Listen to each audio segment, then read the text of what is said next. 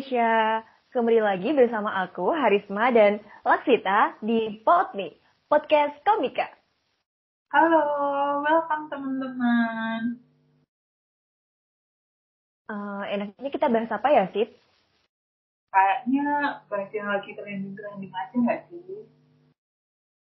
Hmm, bahas mengenai mental health gimana? Wah, kayaknya bahas toxic relationship asik nih. Gimana? Setuju kan? Oh, setuju banget kalau itu sih. Nah, aku ada pertanyaan nih. Menurutmu nih ya kan, toxic relationship tuh gimana sih?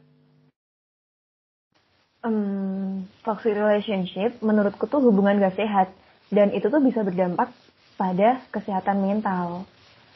Uh, pada dasarnya, kalau kita menjadi hubungan tuh kan uh, bikin kita bahagia, bikin happy lah, nyaman, seneng, saling mendukung, saling support, kan gitu. Nah, yang aku maksud gak sehat tuh yang kayak gini.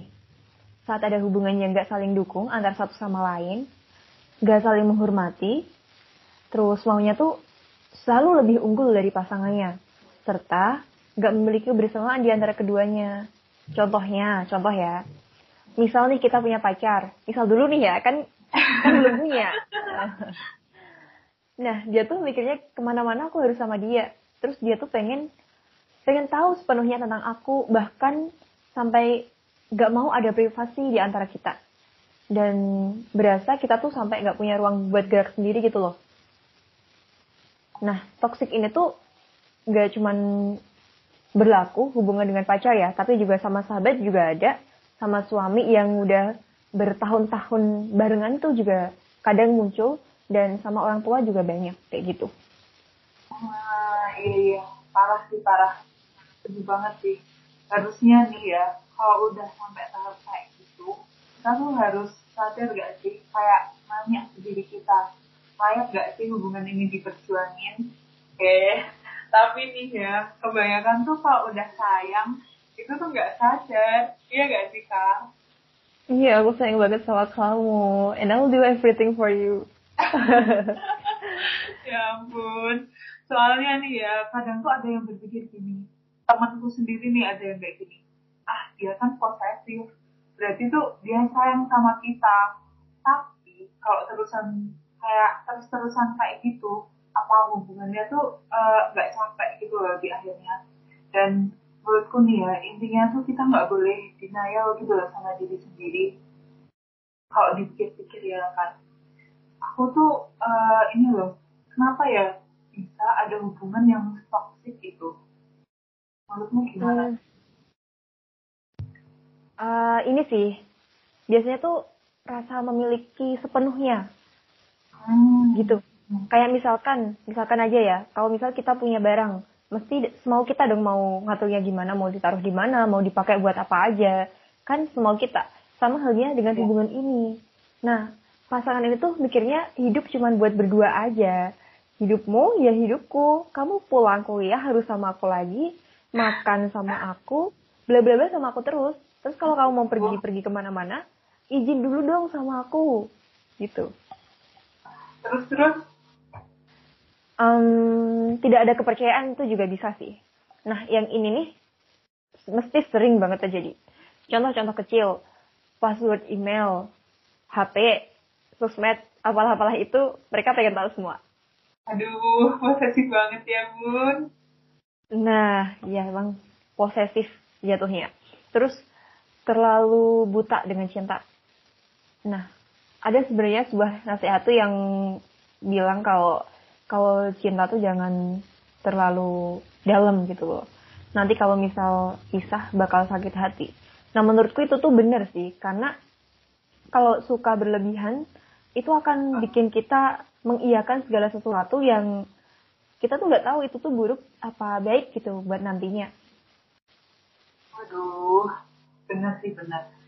Jadi uh, sebenarnya gini ya, kalau kita mau berhubungan itu tuh baiknya harus mengenali dulu nggak sih satu sama orang lain, eh satu hmm. sama lain, kayak kebiasaannya, kesukaannya, bahkan kayak kejelekannya itu biar kita bisa toleransi baik buruknya dia dan enggak nyalahin gitu satu sama lain karena kekurangan kehilangannya dan akhirnya tuh berujung ke hubungan toksik itu. Nah, terus nih ya, uh, kita tuh juga harus saling percaya nih. Contohnya ya dengan jaga komunikasi tadi. Soalnya menurutku uh, komunikasi itu kayak kunci hubungan yang baik gitu loh. Jadi mikir kalau toxic relationship tuh gimana ya? Kayak gampang-gampang susah gitu loh buat dihindarin. Iya gak sih? Iya iya. Susah emang. Gak terlanjur. Nah, iya. Aku ini sih kak. Sekarang lagi nonton drakor. Dan uh, si drakor ini ada hubungannya sama si toxic toxic itu. Ah iya kah? Drakor apa itu? Coba ceritain dong. Nah uh, judulnya ini sih Nevertheless uh, mungkin teman-teman ada yang nonton juga ya? Apa Karisma juga nonton nih? Uh, Nevertheless uh, aku tuh di suruh nonton terus sama temanku tapi aku nggak nonton. Gimana coba ceritain? Ah di sana tuh jadi ada ini tokoh dramanya tuh Nabi ya namanya.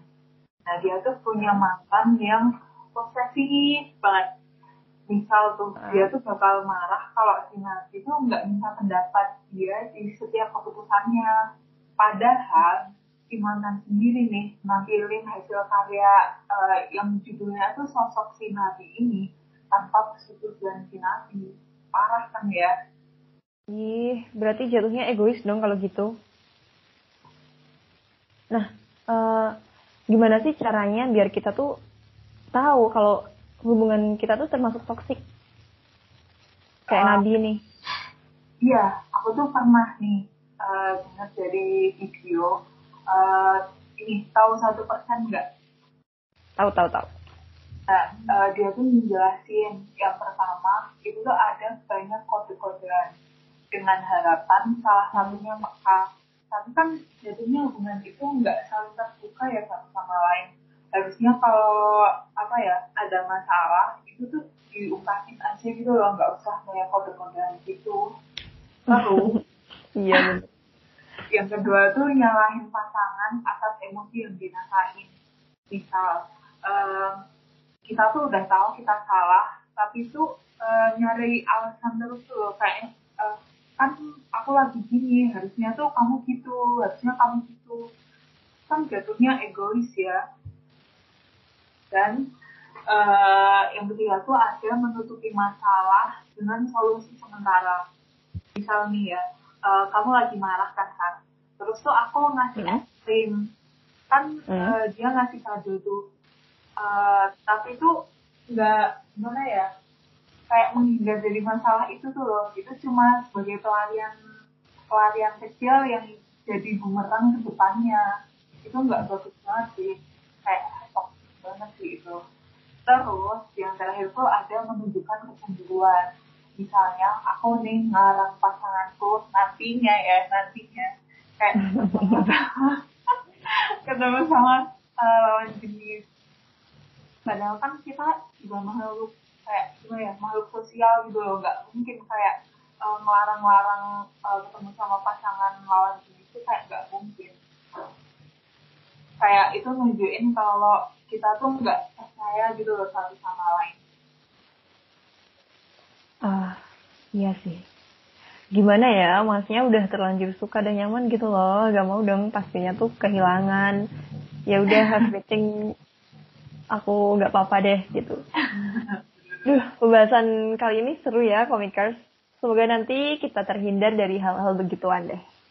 Wah, udah banget nih. Hati-hati ya komunitas dengan ketoksikan ini. Mungkin udah dulu kali ya, Kar, bahasan kita kali ini. See you. Oke, okay, see you, komikers.